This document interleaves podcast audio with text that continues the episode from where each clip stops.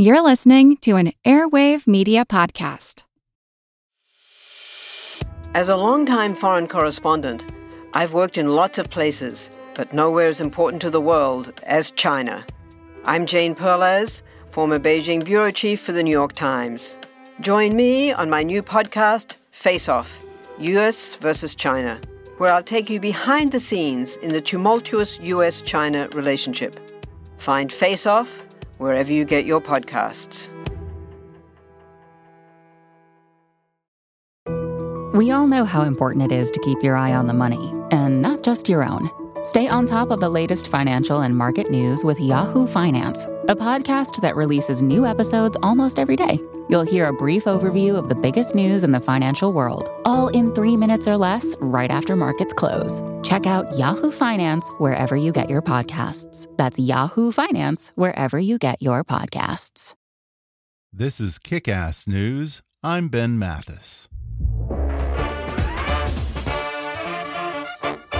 Folks, these days more investors are getting into day trading to take advantage of market downturns instead of watching helplessly from the sidelines. The problem? Day trading can be risky and trading the downside can be confusing. But binary options on Nadex let you day trade with risk protection built in. You decide your maximum risk and reward, and you can never lose more and trading downturns is just as easy as trading rallies. Try day trading for yourself on the first and largest American binary options exchange. Trade stock indexes, commodities, forex, even economic numbers. See why over 100,000 members choose Nadex. Find out more at nadex.com. That's N A D E X.com. Trading on Nadex involves risk and may not be appropriate for all investors. And now, Enjoy the podcast. Being sexually harassed is the worst. I'm sorry. Let me rephrase that.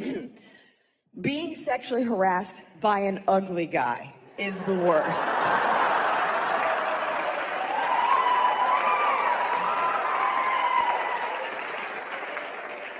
If he's hot, it's just plain old flirting.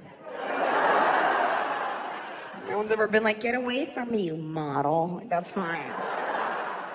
Hi, I'm Ben Mathis. Welcome to Kick Ass News. That was a clip from Iliza Shlesinger's 2016 Netflix comedy special, Confirmed Kills. Since becoming the first woman and the youngest comedian ever to win NBC's Last Comic Standing in 2008, she's skyrocketed to the top of the comedy world as one of the most popular comedians in America having written and starred in three Netflix comedy specials, beginning with Warpaint, which reached number one on the iTunes charts and was named one of the top 10 albums of 2013, followed by Freezing Hot in 2015 and Confirmed Kills just last year. She was recently featured in Elle magazine's Women in Comedy issue and was listed in Esquire magazine as one of today's top working comedians. She's the creator and star of Forever 31 on Hulu and ABC, and her late night show, Truth and Iliza, debuted this spring on Freeform TV. Now, Iliza Shlesinger is bringing her unique take on being a woman to her new book titled Girl Logic The Genius and the absurdity. And today, Iliza will give me an education in how girl logic works, why what looks to us guys as indecisiveness is actually a more evolved way of thinking, and how this relates to everything from fashion to the most frustrating question a man can ask a woman What do you want to eat? Plus, Iliza's thoughts on Harvey Weinstein, guys who fake their own death, how to win a reality show, and how to deal with mermaid hate mail. Coming up with comedian Iliza Shlesinger in just a moment.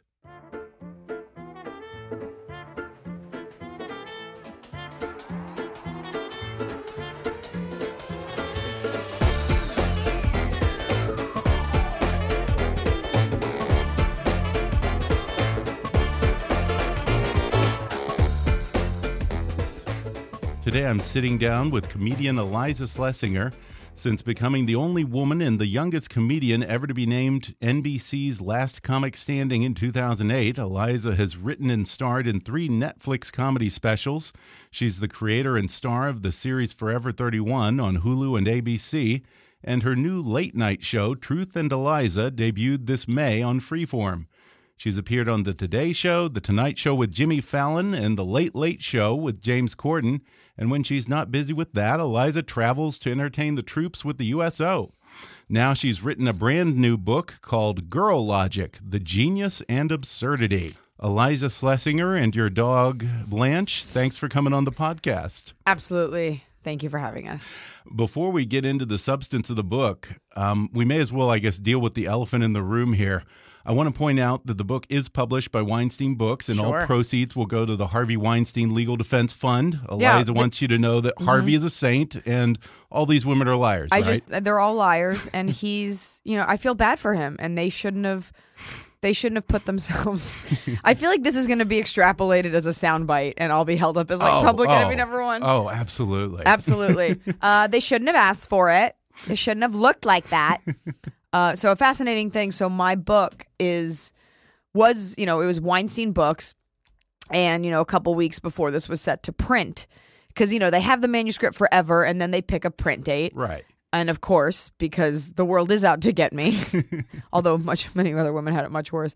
Uh, th- th- it printed and then this happened. So my book is the last one to have the Weinstein logo on it. That's a unique distinction. Yeah, it's like having a, f- a flatware with Nazi insignia on it, you know, left left left over.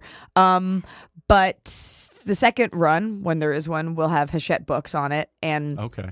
when this happened, you know, I knew the book was coming out, so I just issued a statement. I'm like, I obviously completely Right. condemn him. It's deplorable. However, wa- not even however, but you should also know Weinstein Books is a small company. It's two women.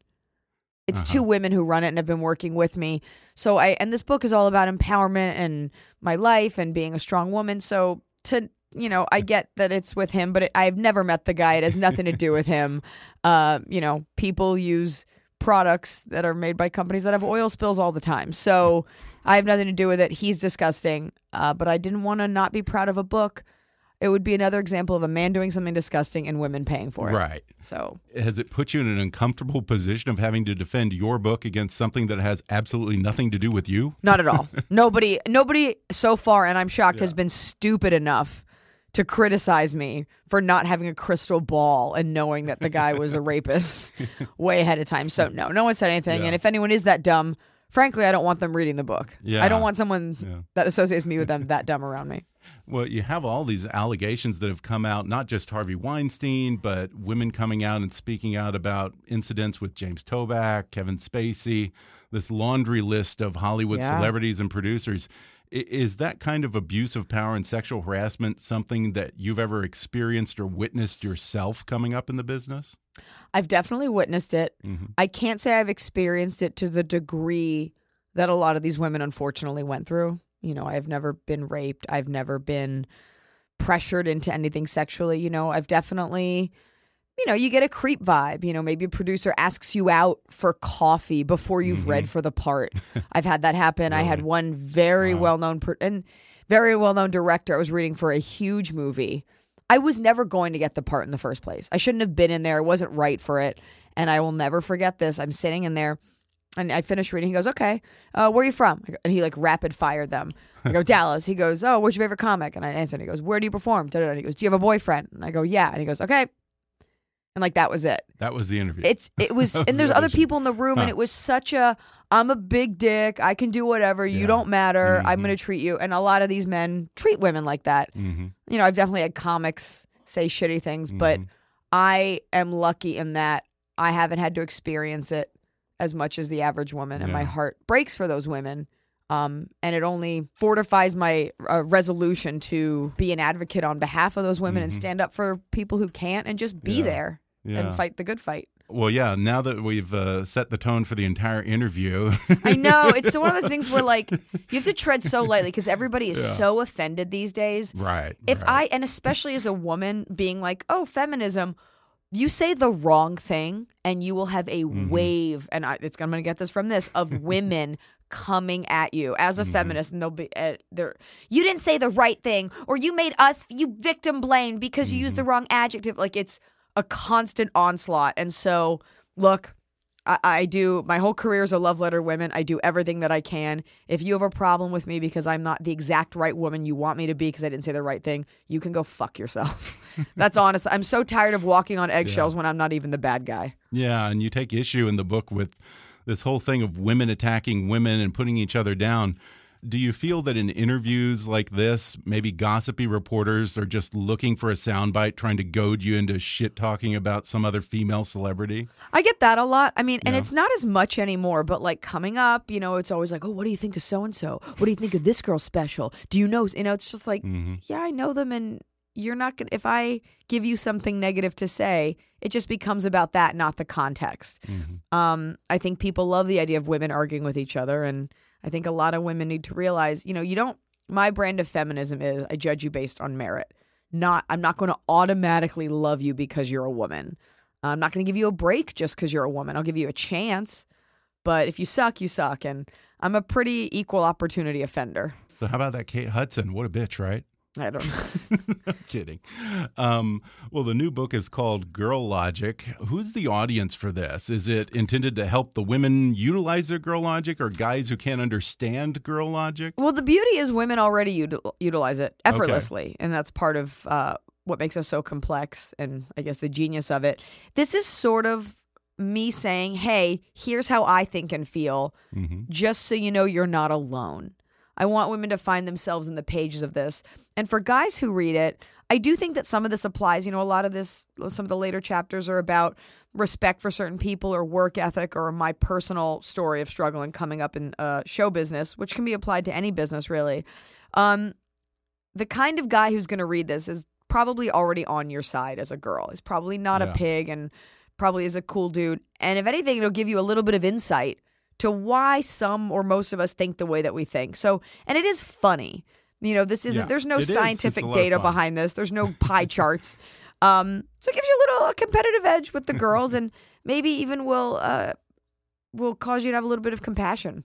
Now, there are probably some guys, some less evolved men who would say that girl logic is an oxymoron. Uh, explain exactly then what girl logic is. Okay, so girl logic is it's not women are stupid, they can't have logic. It's the logic that girls uh, employ when they're thinking. So my whole thesis is because this book is not an autobiography, it's more of a college essay, which I was never great at, but this book's pretty good. um, women are expected to be so many things to so many people at once. Um, you know, slutty, demure, reserved, outspoken, not too loud, mother, sister, friend, party girl, quiet, you know. And it's easier said than done to be like, well, whatever, fuck what everybody thinks. Because when you're a woman, the ramifications of other people's perceptions of you can be, in some cases, deadly. Oh, she seemed like she was asking for it.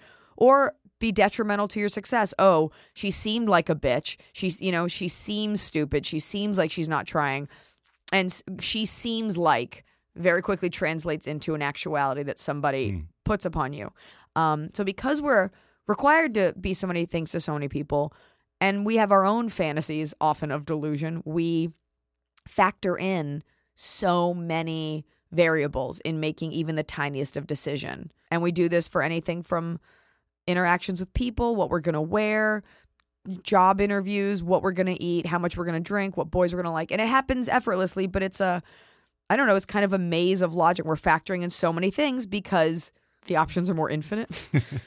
Well, probably the best example of girl logic in practice is something that frustrates probably every man when a man asks you, Yeah. What do you want for dinner? Right. Break that thought process down for us. So, you know, I, I use this as the as the elementary example because everybody goes through this. Everybody Yeah. gets annoyed. You know, what do you want to eat? I don't know. Whatever you want is good. And then, of course, that whatever you want is not good. And he's like, great, we'll have Italian. You're like, I don't want Italian. I don't want pasta. I don't want carbs. I don't want anything. Um, and this is not to reduce women down to like all we're all obsessed with our bodies, but you're lying to yourself if you say you don't think about that as a woman, especially as a young woman. Um, so it's a guy could be like, pizza sounds great. And for a woman, it's like, I t- pizza's tasty. Did I already have pizza today? Am I counting my calories? Do I have to wear an evening dress tonight and look in shape and look thin? Do I have to put on a bathing suit later? Am I trying to be healthier? Do I feel that dairy's doing something? The last time I went to that pizza place, here's how I felt. Oh, I was hoping to have a more romantic night. Oh, pizza's not as fun. and you're it's you know, it sounds insane because we have our own fantasies about the perfect restaurant that's going to be in outer space with tapas that doesn't exist. Uh, but you know, and it's easy to say, well, who cares if you don't look great in your dress? And it's like everybody, everybody and nobody at the same time. You can say it doesn't matter, I'll just go out, but it's not nice to feel like you don't look your best. And that is part of being a woman. I've literally never had that thought process. Right, I think it, does pizza sound good to me right now? You've never had your entire life's worth judged Yeah. by how good you look in an outfit. And I not that I care if sexual predators judge that, but you know, I put a picture online. My job is to be funny, which I think I'm failing at in this interview. I think I'm being a little too serious, Whoa, but no. it's because I'm really hungry. um, I offered you candy. I can't have the candy. I offered you so much candy. I told you this. I can't. All of my candy. Halloween candy. I, I offered. know that was a real nadir in this day for me. Just plopping your Halloween candy on your desk. Um, what was I even saying? Uh, what was I saying? I don't remember. We were talking. Well, okay, we were talking about uh, uh, how women have to think about how they're going to look in an outfit, which kind of goes into the next question, I suppose, because you say that the biggest enemy of women is probably modern fashion, right? I mean, again, I remember Bruce Jenner getting in trouble saying uh, the hardest part about being a woman is getting dressed, and everybody, of course, crucified him because we or her because we love to rip people apart. But it's not totally wrong. It re- you have to factor in so many things. There's comfort. There's perceived sexuality. There's sexuality. There's uh, how tight this is going to be, like uh, appropriateness. Um, fashion in and of itself, I really believe every most things out there are to make women buy more beauty products, more plastic surgery, and clothing that you're that's going to make you feel bad. Whatever your body type is, there's the clothing out there for the most part isn't for you. I work out every single day.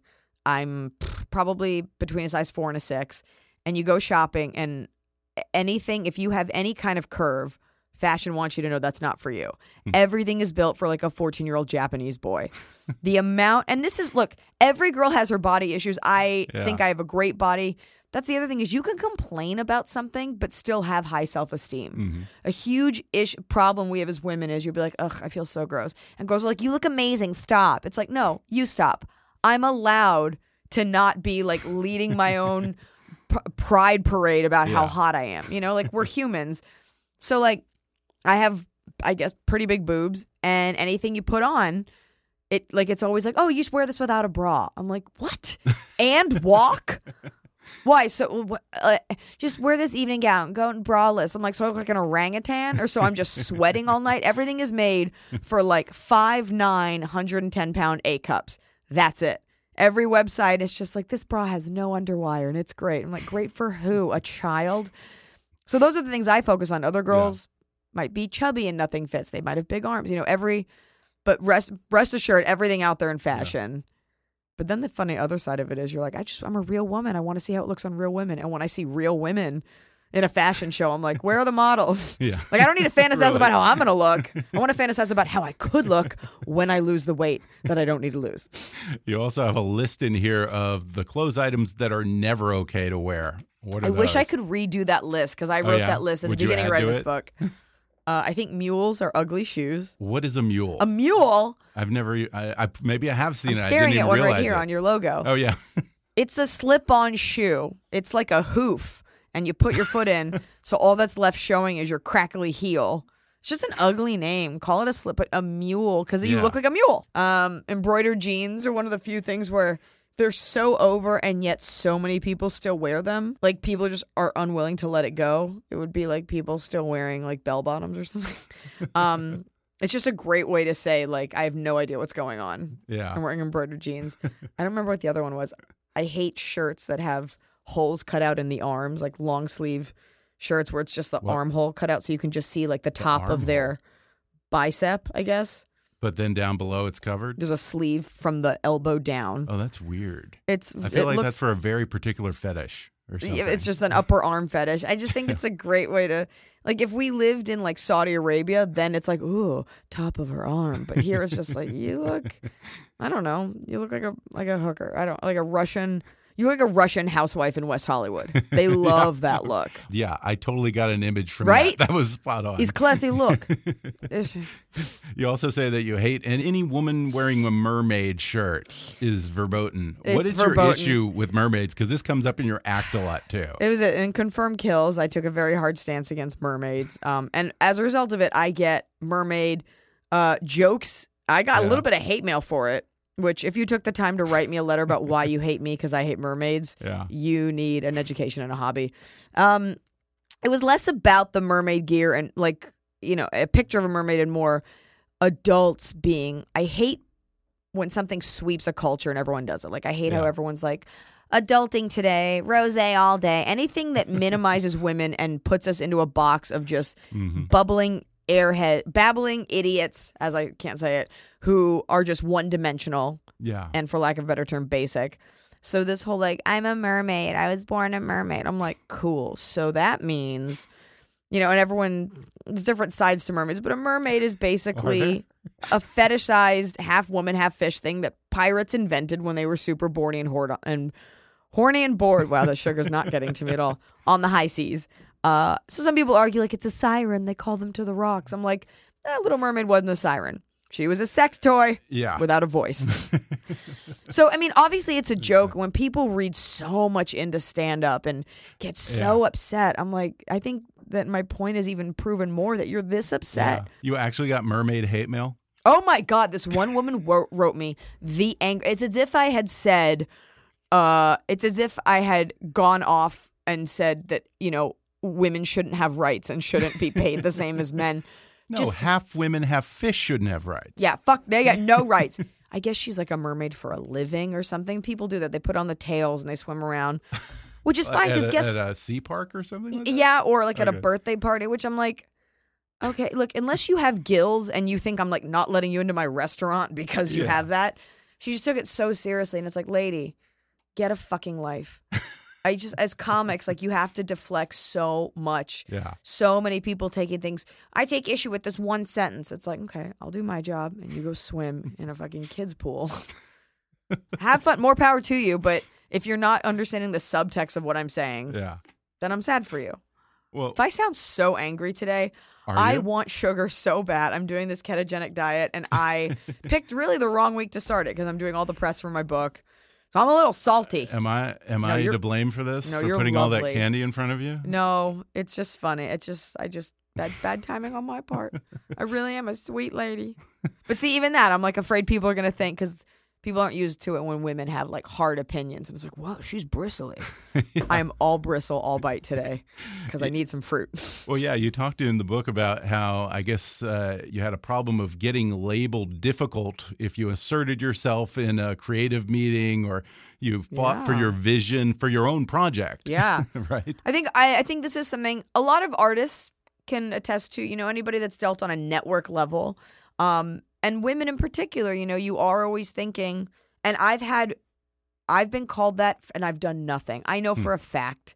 I know deep down I am a team player. I love people's input. I love people that work hard. You know, and it can come at you. You never know how your confidence or your just simply existing can incite anger in somebody who perhaps doesn't have as much confidence uh, as you um, or is insecure. Uh, I was working on a show and I tape the, I, I, I taped the entire show. You know, I show up, I do my lines, I leave. I am very professional. There is no like getting drunk or showing up late. Like I do my job. And I remember we had a call and it was about the marketing. And if you're using me as talent, it's personal. Like people Yeah. know who I am, they know the brand. Um, and everything, and this happens with every project I do, every person in like a talent in a marketing department's like, you know, it's it's rose all day. You're drinking. It's pizza. You're you know you're getting drunk. You're party girl, and it's like, is it impossible for a woman to talk about the idea of drinking and or partying, uh, combined with other things that make us Yeah. a full fledged human without you prioritizing just the drinking. And the advertising they wanted to do was marketing me as I was just the host of something, marketing me as this like pathetic single girl. Like, well, if you're alone on a Saturday, like me, if you love getting drunk and waking up. And I was just like, that's not who I am. That's not something that women should be proud of. If that is you, you're probably sad about it. But more importantly, it's not me. Mm-hmm. And I simply said that because it was just so offensive. And then the show, we had a good run. And, you know, they changed their formatting, whatever. The show didn't go. Definitely not a big deal. And what came to what shook down the pipeline was the president of the network hated me. And my reps called. They're like, you know, is there? She didn't do anything. He's like, she's too hard to work with. That's what they say. Do you find that sometimes people have trouble separating the the material and the stuff that you joke about from who you are? I think new fans are somebody that's grabbing a soundbite, and I think it's also much easier to put people in categories or boxes, you know, because that's how our brains want to work. We want to organize these things, and for women, it's hard to uh, digest the idea that women are complex, and you can rage on a Saturday night, be at the gym on a Sunday, and then get your shit together and work hard all week. No, it's you're just a mess and you can't have a guy. How do you balance it all? Oh my God, I'm getting drunk off wine. Am I done adulting? Like, that's none of the women I know. That's you in like your early 20s and it's adorable, but it's just, we love this idea of the like drunken, brash mm-hmm. woman. And it's like, on the contrary, I choose my words very carefully. I have my shit together. I built my business from scratch. We're going to take a quick break, and then I'll be back with more with comedian Iliza Shlesinger when we come back in just a minute.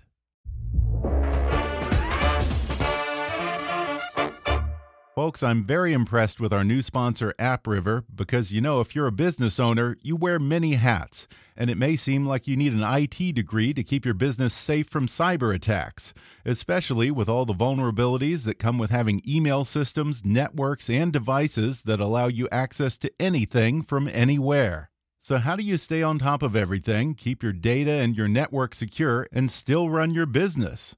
Pass that hat to AppRiver a leader in cloud based security solutions for business. With AppRiver's premium email and virus protection, you can be sure that malware isn't going to be your next headache. Take it even further with web protection that keeps your network safe from both external and internal threats, as well as email encryption, continuity, and archiving solutions that can help you face anything with confidence. Throw in Office 365 for your productivity needs, and your business can be fully optimized with no additional software or hardware requirements. Everything comes with a free 30 day trial and AppRiver's phenomenal care customer service available around the clock from real AppRiver employees who answer your questions in minutes rather than days. So visit appriver.com slash kick to get started today. That's appriver.com slash kick. And now, back to the podcast. You almost remind me of someone like a Robin Williams because you, you. use the whole stage and you move around and you're physically expressive. you. you don't meekly cling to the mic stand. As a female comic, do you ever get people who give you shit about that for being physical with your comedy? I've never gotten any shit for it. People, Really? it's always an observation. Okay. Uh, I'm very lucky. I've gotten the Robin Williams a lot. I've gotten Oh, really? Dennis Miller Okay, yeah, yeah, I could see because. I, I rant. Um, the Robin Williams one, it's always it always warms my heart when people say that.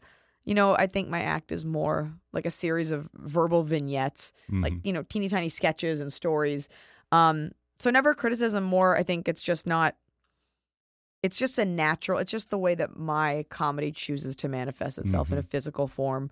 It's very natural to move and use my body and my voices because that's how I want to convey things, and it comes out. That's how my art comes out.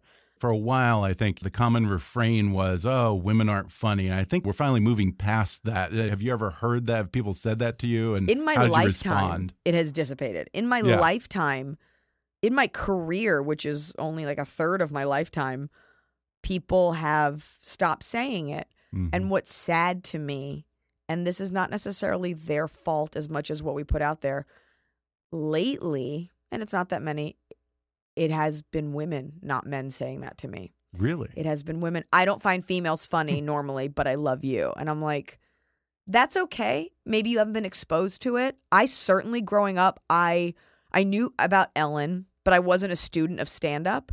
And there aren't a lot of examples. Now there are. Like you're honestly going to tell me you don't think Kate McKinnon's funny, you know? Um stand up though, you know, it's not a world it's a world that women have been consume begun to consume on their own only in the last several years. hmm It's always been men that like, you know, comedy and men initially started bringing their girls in to watch my stuff and then women started coming on their own and I've really embraced that.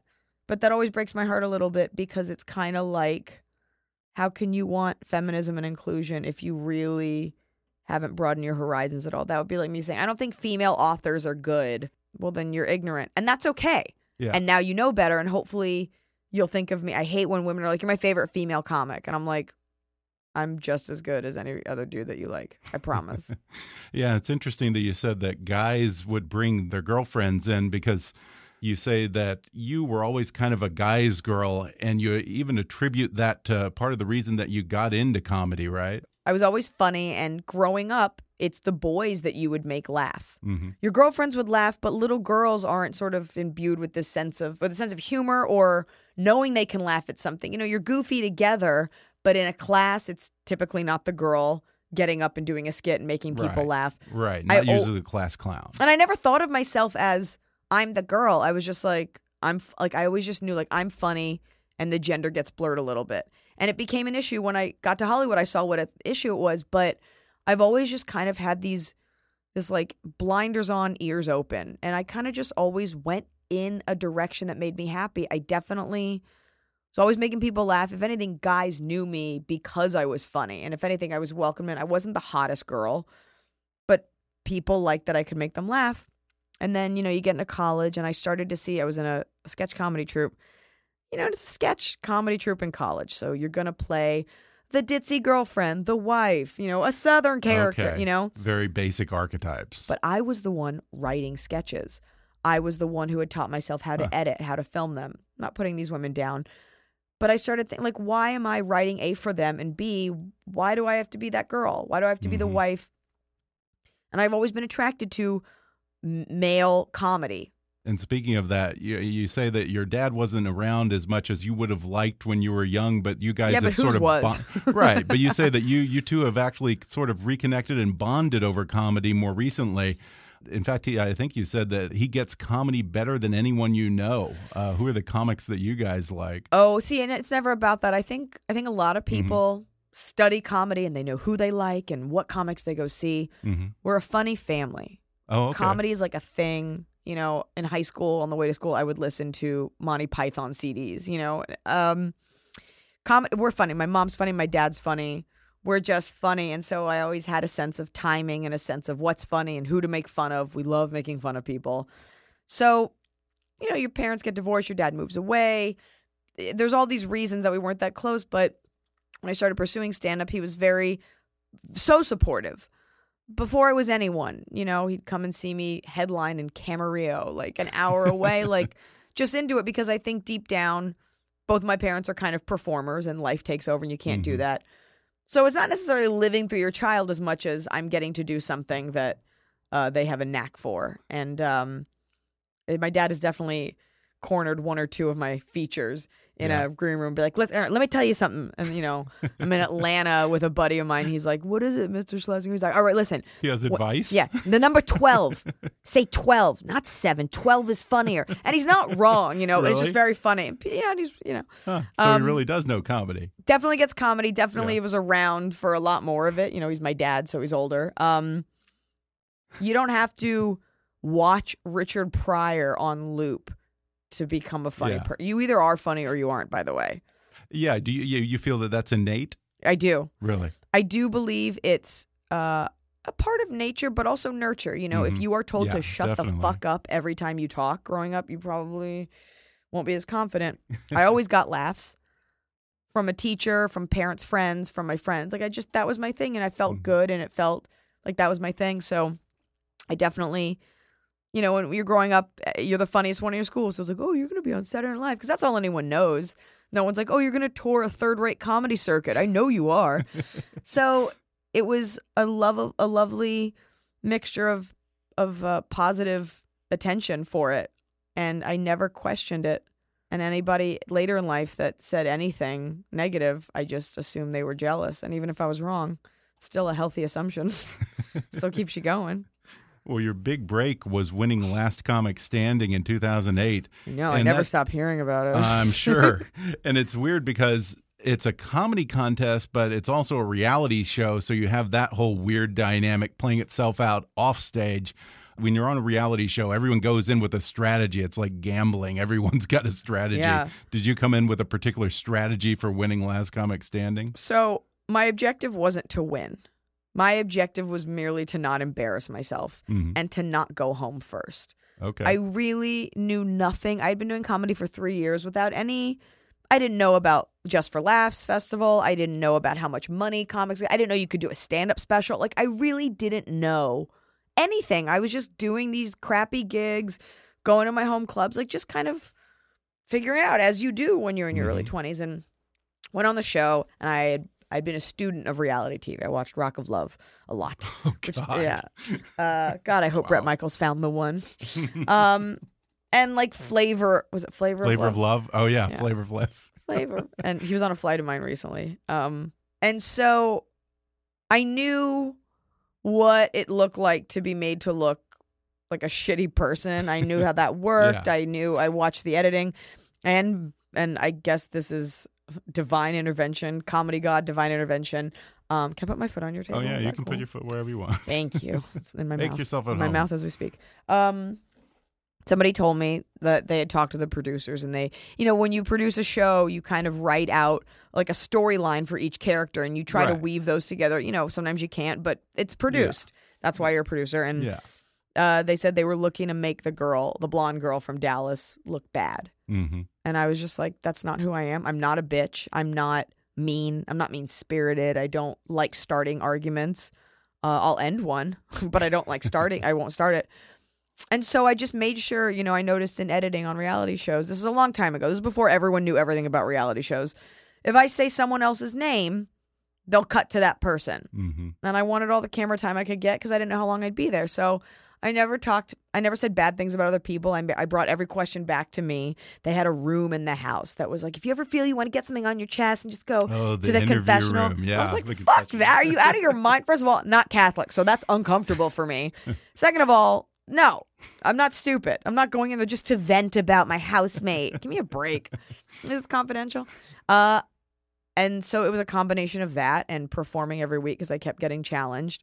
So I guess the rest is history. Well, yeah, and you say that the real nightmare began after you won the show and you went on the last comic standing tour with all the guys that you had beaten. It doesn't sound like they were very good sports about it, huh? I don't. I feel like Al Bundy, like still talking about the one thing. Just for the record, for those of you listening, I never talk about Last Comic Standing. I never bring it up. I, I got to take it out of the bio, but then I don't know what we're gonna lead with. Um, but I will say this: this is the closest I've come to something horrific uh, in being treated a certain way by the opposite sex. And this, it was funny. I did a show with Amy Schumer. This is right before she got rocketed into outer space for stardom. But uh, we did a show in Pittsburgh. And afterward, we were kind of just chit chatting, and she was the only other girl. She didn't win. Yeah, Amy, take that. she didn't win, but she was the only other person I'd ever found solace in because she knew exactly what I had gone through as well. And that was interesting for me because I have no other woman to bond over something remotely similar with. Um, I think my experience was a little bit more severe in that I won and all these people were my friends. And then we went on this tour, and the indelible mark left uh, on my heart and on my mind from the treatment I got has shaped the comic that I am today, for better or for worse. Mm-hmm. They were so abusive, so verbally abusive. One even threatened to punch me in the face at one Wow. point. And this is just, I'm a 25, 26 year old girl. I'm surrounded by grown men. Two of them, I think, were around my age, you know, but they were, they would like ice me out. Like they wouldn't talk to me some days. You know, they would talk about me. It was just constant on edge. They just didn't like your presence. They just decided- about you. One of them decided that he should have won. Mm. even though he didn't come in anywhere near close to first place or even somewhere near that. Um, and he just kind of, you know, because they're boys, so he like kind of turned them all against me. And Mhm. the there's like two others that one guy like ranged from apathetic, he was pretty apathetic, and then the other two were just sort of his like lackeys. And it was just every day was just this emotional. I was so excited to be on this tour. I thought these were gonna be my friends. We should have been touring the country and going out and taking pictures. Yeah, having fun. And I would get on that tour bus with these grown men. I would just sleep. We would get to the venue. Nobody would eat with me. Nobody would sit with me. Sometimes I'd like come over, but no, if I sneeze, no one would say bless you. Again, women are getting raped all day, every day. This is just my story. But this was my first introduction to stand up was a group of men just treating me like absolute garbage. Some of them had children, and this is how they treated. Wow. And they were so, and then one of them threatened to hit me, which was just so gross. Uh, I remember my manager at one point being like, "How did you lose so much weight?" And I didn't even, I didn't even notice it. I was like, "I eat one meal a day, and I'm scared all day." Oh my god. And it's not, you know, now I'd be like, That's fuck awful. you. The tour manager was a Yeah. piece of shit. Like they Really? just decided. And it was all I did was not lay down and die. Yeah. And uh, that's the hardest thing I will ever have to go through in stand up, besides the whole career, which is a never ending fight for Mm-hmm. Your life. But stand up comedy is not that competitive normally. It's a Mm-hmm. competitive industry, but that's a concentrated dose of competition. You can dislike another comic because they get a show over you, but this was like concentrated and you're, you're on a bus together. They hate you and you can't get them to, comp- to, to stop. It's relentless. And so I realized years later that I'd never have to do that again. So now I'm not afraid of anything Yeah. So of any sort experience of a baptism of in fire. comedy. By the way, yeah, I'm afraid of like break-ins and Yeah. rape, uh, spiders. But yeah, it was a, a really shitty introduction. So for years, you know, I was kind of and still am just like a little tough. Mhm. And eventually, I kind of let it go a little bit, realizing that other comics need kindness more than anything. You got to give them second chances. I wouldn't want to ever make someone feel the way that they made me feel, Yeah. especially at such a young age. Um, and there's other instances of that if I'm looking back now, early in my career, where like it's just a man that cannot handle that you are good or have success. Really. I had one guy who would, I don't remember his name. I would do these like Orange County stand up competitions in like 2006.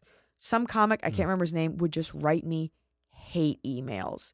You're a fuck. I actually can't even remember. He that would just take the time to email you. email me, just tell me how horrible I was, what a bitch I was. Like, just, God. I didn't even know him. And it went on like that for months. And then one day he sent me one, he's like, I went to rehab. I want to apologize. And I'm like, so oh, wow. I had to still, that's my biggest thing when you have to withstand the abuse. hmm It's like when someone is a skinhead and then they have a daughter or they meet a black person that they like. They're like, I understand now. I'm like, okay, Yeah. so because you were slow to mentally develop, we all have to deal with that. But now that you're ready to be a human, you get a, a cookie. Yeah. Fuck off. Well, you, you also you talk about how your own comedy has evolved over the past few years. You say in the book that you regret some of your earlier jokes because you felt that they made fun of women in a way that maybe puts them down. What would be the kind of jokes that you probably wouldn't do now? You know, it's it's tough because I wrestle with the fact that I wrote that. It's regret is a tough word because I don't mm-hmm. regret it because to regret it would be to deny my voice and thought process at that time as an artist. Yeah. And sometimes you don't have the perfect words, the most mature words, but I was saying the things I was supposed to be saying at that age. Yeah. So I had this joke about watching women walk through a nightclub, which, you know, at 25, 26, 27, that's where you're going at night, or a bar. Everyone does. You hold hands. You hold hands so you, so you for safety, really, so you don't lose the girl behind you. And it's Sure. a way to sort of break through all the bodies. And I'd be like, you watch a group of girls trying to get to the bathroom, they hold hands, they form a chain of whores, and they walk. I chose that verbiage. I'm very meticulous with the words that I choose because it's funny. You giggled at it. It's Mm-hmm. Yeah. a funny image. I'm guilty. Chain is a funny word. Chain of whores. Like Yeah. th- those are never put together. There's a reason that that little equation works. So it was funny, and no one's ever had an issue with it. So this is Oh, it myself. was entirely yourself. It was just me looking Okay. back because, for the most part, I'm pretty proud of all of it. I think Mm-hmm. I said the N word once with like a soft A uh, in my first special, and I, I would never do it again. Yeah. You know, it wasn't. I also think you have to factor in intention, but I do Uh-huh. think with a word like that, it's you get some black people are cool with it, some Yeah, are not. So I wouldn't do it again about your intention. for sure, for sure. But I think uh, it depends who you talk to. Yeah. You know, I've had black Yeah. friends watch it. They're like, "That's fucking funny," and I've had fans be like, "That's not cool." So wouldn't do it again. Um, live and learn. You know, if we were all born totally woke, then we'd have no problems here. I think we don't allow for people to be like, "Whoops." Wouldn't do it again. Yeah. This doesn't contradict what I was saying about the skinhead. That's a whole lifetime of deliberately hurting people. Um, But there's also an ignorance, and you live and you learn and you grow and you listen. So while I said the whore thing then, it's just a word I wouldn't use now just Yeah. because my eyes are so open now as a more mature woman to the blanket labeling of women Mhm. and how quickly that word gets applied hmm to women just for nothing. I have this sort of unified theory of stand up comedy that I tend to run by all the comedians that come on the show. I believe that every person should have to do a five minute set at an open mic. Everyone, not just comedians. I, in my mind, I've built it up where it's going to be this growth experience. You're going to learn to not take yourself so seriously. You'll learn And a lot about yourself, humility, and all that. and they'll And- learn how hard it is. And oh yeah, well, yeah, yeah, do- not yeah, give me definitely. notes. Yeah, yeah. There you go. I mean, I don't know if there's are we getting government funding for this. Before Trump uh, eliminates the NEA, maybe. Um, you know who should have to do a set? Who? People who write about people who comedy. write you? Bloggers, Okay. people that work for re- websites that critique, mermaids. people who have never mermaids, people who have never done anything brave like that, Yeah. but want to sit Mhm. back. If you want to analyze it, that's Yeah. different. But if you really want to sit there and Monday criticize it quarterbacks. without any idea of what goes into it, it's Mhm. part of art, but it also I never take it seriously because I'm like, what the fuck have you ever done? you ever gone up in front of two thousand people and just bared your soul and hope they agreed with you? You know, well, yeah, and these days with Twitter and everything, it's just so easy. Some guy who's sitting in his basement or sitting on his couch and has never got up before an audience in his life suddenly thinks he's a critic. Oh, and what's worse is that that can get retweeted, then picked up by a site, and then all of a sudden this per- this idiot has a voice. I've definitely had that happen to me, where I'm Really? like, "Who the fuck are you? You're getting retweeted about criticizing me." And social media, unfortunately, gives everyone Mm-hmm. a forum. The only thing you can do as the purveyor of that entertainment, as the person up there making the art, is learn to block it out, which is a new Mm-hmm. skill set that you have to acquire in this day and age. Somebody, I favorited something that Donald Trump said because it was actually not the worst thing I'd ever heard. Yeah. He said something about the guy who ran over the people in New York. He demanded an ISIS flag for his hospital, and then Donald Trump, you know, Oh, I didn't hear that. condemned him. It was just, you know, one tweet. Yeah, so I started because I was like, yeah, fuck Yeah. that dude. And this person wrote back, they're like, you like this tweet, explain yourself. And I was like, I didn't write anything. It's like, you don't deserve that. Yeah. I, I, don't- I'm not spending my day explaining myself to someone who I don't know an explanation to. yeah. I said what I said. You'll get over it. You'll go back to your job, you know, folding hamburgers or whatever, and and life will go on. Yeah, I mean, even a broken clock is right twice a day, and there's no harm in acknowledging that, I guess. But- Mm. But regardless of that tweet, you know, just in general, people have questions, and it, again, it's about intention. You can tell when a fan has a real question and when someone just wants to bury you Yeah. So the takeaway here is that you will defend Harvey Weinstein and Donald Trump to the last till the stand, to my right? dying breath. Girls, you just you gotta not go outside. It's your fault. Well, before we go, I just have to ask you cover some of your dating life in the book. Is it true that you broke up with a guy who later faked his death to get back at you? Yes. Yes, it is. I've definitely. It's so tough as a woman because it's always like, oh, I've dated so many crazies because somehow that reflects poorly on the woman. Like, oh, you choose wrong. Well, anytime you say that it's everyone else and not me, like Right, Donald Trump. totally. it's not Like, me. what's it's the common everyone else. denominator here? But there are some cases that you know But spread out enough. I mean, you're going to run into some crazies. Right. But it's funny because when guys are like, oh, I dated a couple girls that were crazy, no one's Yeah. like, oh, that guy must be broken. It's like, oh, what a bunch of dumb bitches. Yeah. Uh, and this was, oh my God, I must have been like 23 or 24. Yeah, I just, he was, you know, you're going out, he's an older guy, not Uh-huh. that much older. He was like in his 30s, but it was cool. Okay. Every girl's so done he should be ma- more mature than that. right? Ideally, or according to the way men mature, he's just at like an 18 year old. So we're like, and it was just, you know, we didn't, we never even slept together. We went out for like drinks and we'd hang out because I didn't know how much I liked him. Um, but it was a fun experience, and I write about it in the book. But I remember he wrote what for me. I wasn't. I was kind of like losing interest, and then he sent me an email that he had written for work, and I I think he asked me to like proofread it or something, which is also another red flag that you're Yeah. asking some 23 year old comic to proofread it, and there were just so many grammatical errors, just typos, punctual. It was just so it was egregiously bad. It was Yeah. I can't fix this bad. It was like, oh, you don't know how to speak English Yeah. bad. And uh He was American, so that's not a knock against immigrants. Everybody's so fucking sensitive. Uh, it was just really bad. He was just an idiot, and so I found that unattractive. I broke up with him, and then on AIM, I get this message from one of his friends. Just so you know, I won't say his name. Like Scott, Scott, he's no longer with us. He's in a better place now. and like he had friends texting me to like let me know God. he was. I was like, is he in prison? Is that a better place for him? I'm sure he's alive, but it was just That's insane. if he had died, I highly doubt the girl he was casually dating, uh, Yeah. whom none of you had met, would be the first person you'd contact. yeah. I mean, who are these friends? What kind of friends are these? They, It oh, they were him. all him. It had to have posing been him. as his Why friends. would anybody else have my AIM? Right. Yeah. Oh, okay. I was I was like, who are these friends that are like allowing him to do this? Definitely him. going along with or he was like over a friend's shoulder. No, Oh. tell tell her Wow. she really missed out. And that is not painting me as special. It's just more painting him as like a loser. God, wow. Well, you'll get more stories like that and a whole lot more in Iliza Shlesinger's new book, Girl Logic The Genius and the Absurdity. Iliza, thanks for talking with me. Thank you so much. Thanks again to Iliza Shlesinger for coming on the show. Order her new book, Girl Logic The Genius and the Absurdity, on Amazon or download the audio version on audible.com. Follow her on Twitter at, at Iliza or visit her website, iliza.com. That's I L I Z A. Today's episode was sponsored by Nadex. You know, more investors are getting into day trading to take advantage of market downturns instead of watching helplessly from the sidelines. The problem? Day trading can be risky, and trading the downside can be confusing. But binary options on Nadex let you day trade with risk protection built in. You decide your maximum risk and reward, and you can never lose more. And trading downturns is just as easy as trading rallies.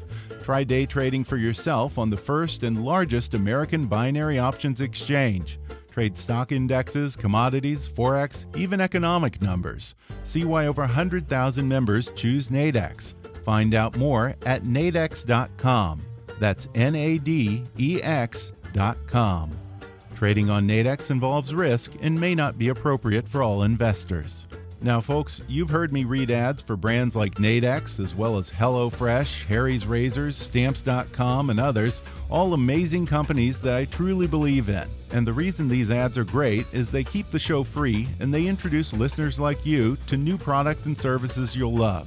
It's a win for everyone, and I'm happy to have the help and expertise of Midroll Media to ensure that this show continues to have great advertisers. If you're interested in advertising on our show, go to midroll.com slash kickass and click contact to let the folks at Midroll know. They also represent other great shows from people who've been guests on Kick Ass News, like Neil deGrasse Tyson's Star Talk podcast and Gilbert Gottfried's Amazing Colossal podcast, so you can actually reach a whole array of engaged listeners. That's midroll, M-I-D-R-O-L-L dot com slash kickass. If you haven't already, be sure to subscribe to Kickass News on iTunes and leave us a review. You can follow us on Facebook or on Twitter at, at KickassNewsPod. And as always, I welcome your comments, questions, and ideas at comments at kickassnews.com. I'm Ben Mathis, and thanks for listening to Kickass News.